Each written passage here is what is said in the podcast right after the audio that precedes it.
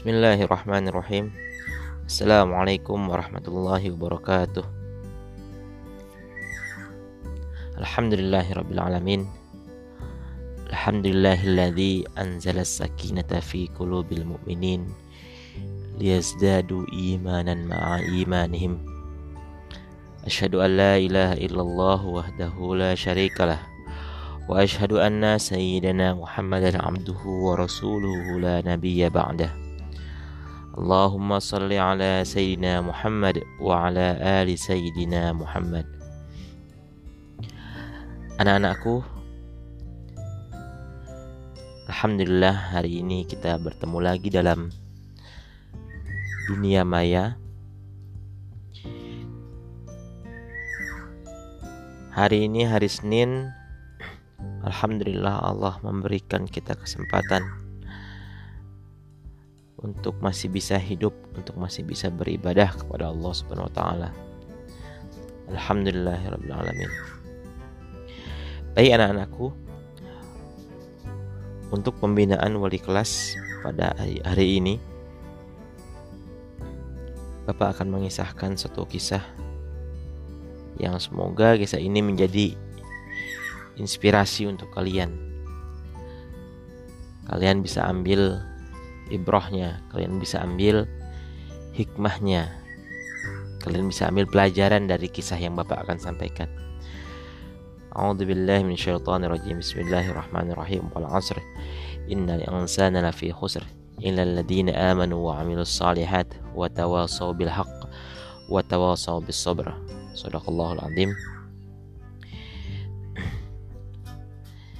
ayat tersebut surat tersebut surat Al-Asr ayat 1 sampai 3 merintahkan kepada kita semua manusia untuk saling menasehati. Saling menasehati dalam kebaikan dan saling menasehati dalam kesabaran. Ada sebuah kisah yang ini sangat menarik untuk kita dengar dan kita dengarkan dengan seksama. Kisah tentang cucu Nabi Muhammad SAW yaitu Sayyidina Hasan dan Sayyidina Husain bin Ali bin Abdul Talib bin Abu Talib. Hasan Husain bin Ali bin Abdul bin Abu Talib. Pada suatu ketika suatu hari mereka berdua Hasan dan Husain Sayyidina Hasan, Sayyidina Husain pergi ke masjid untuk melaksanakan sholat. Sesampainya di masjid, mereka menjumpai seseorang laki-laki tua yang sedang berwudu, yang sedang mengambil air wudhunya untuk sholat. Setelah wudhu, orang itu pun orang tua itu pun sholat. Ternyata dilihat oleh Sayyidina Hasan dan Husain, wudhu dan sholat orang tua itu terlihat kurang sempurna. Lalu Hasan dan Husain memiliki inisiatif, berinisiatif untuk memperbaikinya. Tapi mereka khawatir. Khawatir jika memperbaikinya akan menyinggung perasaan orang tua itu. Akhirnya kedua putra Ali bin Abi Thalib ini dalam sejarah disebutkan bersepakat untuk memakai cara yang atau menggunakan cara yang bijaksana. Di hadapan orang tua tersebut mereka berdebat. Masing-masing mengatakan bahwa dialah yang paling benar dalam berwudu dan sholatnya. Mereka lalu meminta orang tua itu untuk menilainya. Jadi Sayyidina Hasan dan Sayyidina Husain pura-pura ya ini dalam rangka dalam rangka ingin menasehati si orang tua itu ya jadi Sayyidina Hasan dan Husain ini pura-pura berdebat paling mengatakan saling, mengatakan uh, bahwa wudhu dan sholat dialah yang paling benar. Kata Hasan, aku yang paling benar wudhunya, sholatnya. Oh enggak, aku yang paling benar kata Husain. Ya. Mereka lalu meminta orang itu, orang tua itu untuk menilainya. Wahai paman, bolehkah paman menjadi juri istilahnya ya?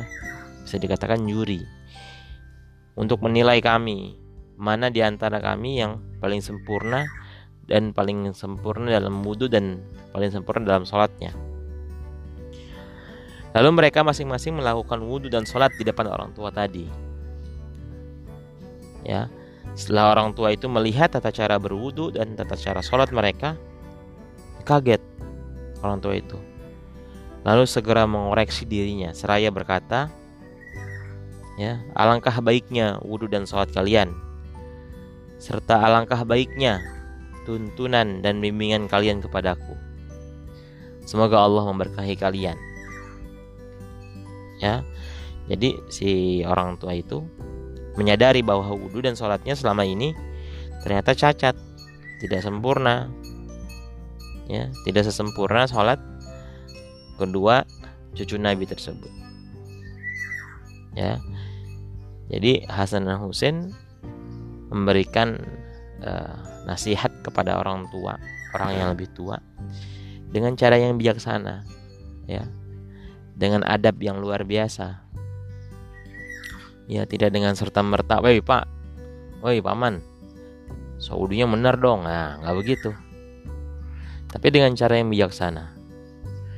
Menasehatinya dengan cara yang yang baik. Ya, dengan cara yang hikmah dakwahnya. Ya, Nabi SAW pernah bersabda, barang siapa melakukan mungkar, dilakukan di hadapan matanya, maka hendaklah ia mencegah kemungkaran itu dengan tangannya. Fa'ilam yastati' fabilisani. Kalau misalkan tidak mampu dengan lisan. Fa'ilam yastati' fabiqalbi. Ya. Kalau tidak mampu juga dengan hati. Wadhalika atau iman. Maka itulah selemah-lemahnya iman. Ya, jadi ya man ra'a minkum mungkaran ya. Dengan tangannya dulu pertama, dengan kekuasaan, dengan powernya. Kalau misalnya nggak bisa, dengan tangannya. Kalau dengan tangan tidak mampu, dengan tangan tidak mampu, dengan lisannya. Kalau lisan tidak mampu, dengan fabi kolbi, dengan hatinya. Itu lemah selemah lemahnya iman. Jadi mencegah atau memperbaiki seseorang dari perbuatan yang salah, ya, baik itu orang tua ataupun anak kecil ataupun siapa pun itu, merupakan sebuah kewajiban. Ya, kalau melihat kemungkaran. Kan kalau wudhu yang salah, sholat yang salah kan suatu hal yang mungkar. Berarti harus diperbaiki.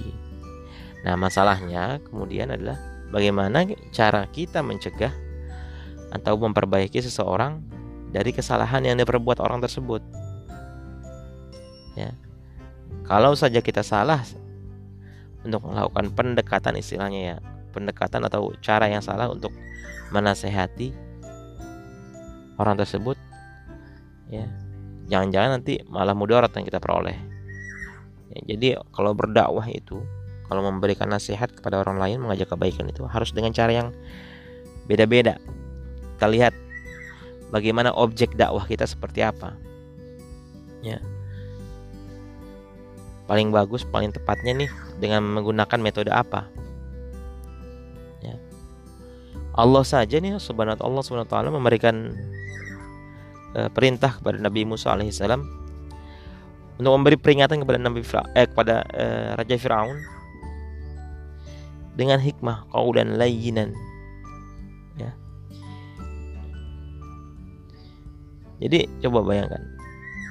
Kalian kalian pikirkan coba.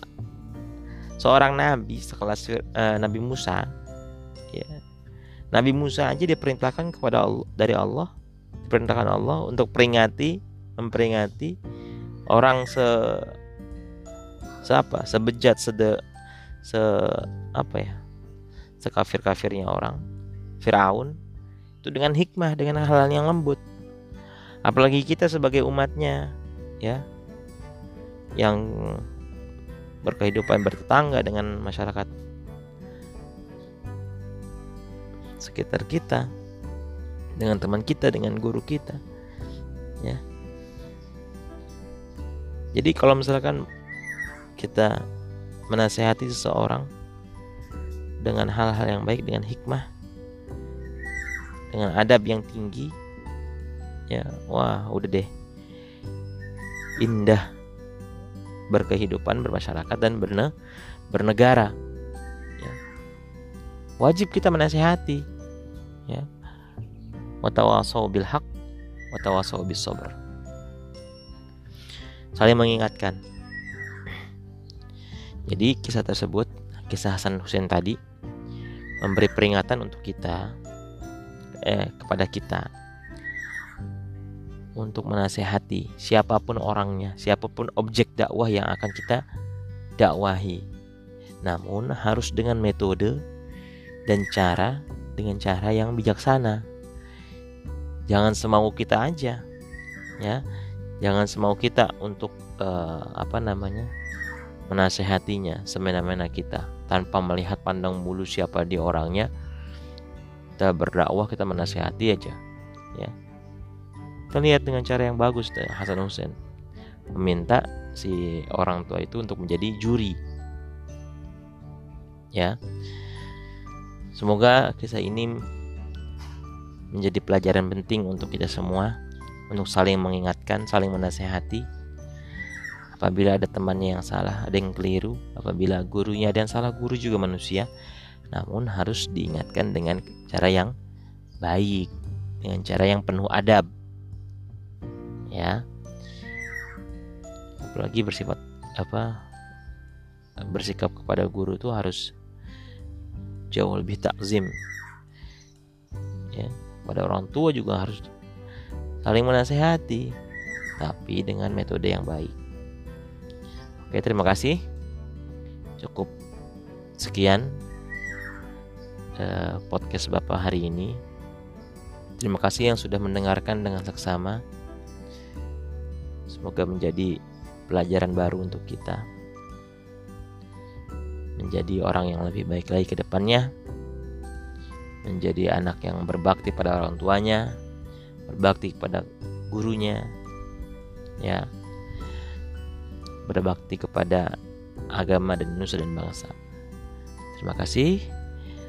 Allahul muafiq ila qomit Assalamualaikum warahmatullahi wabarakatuh.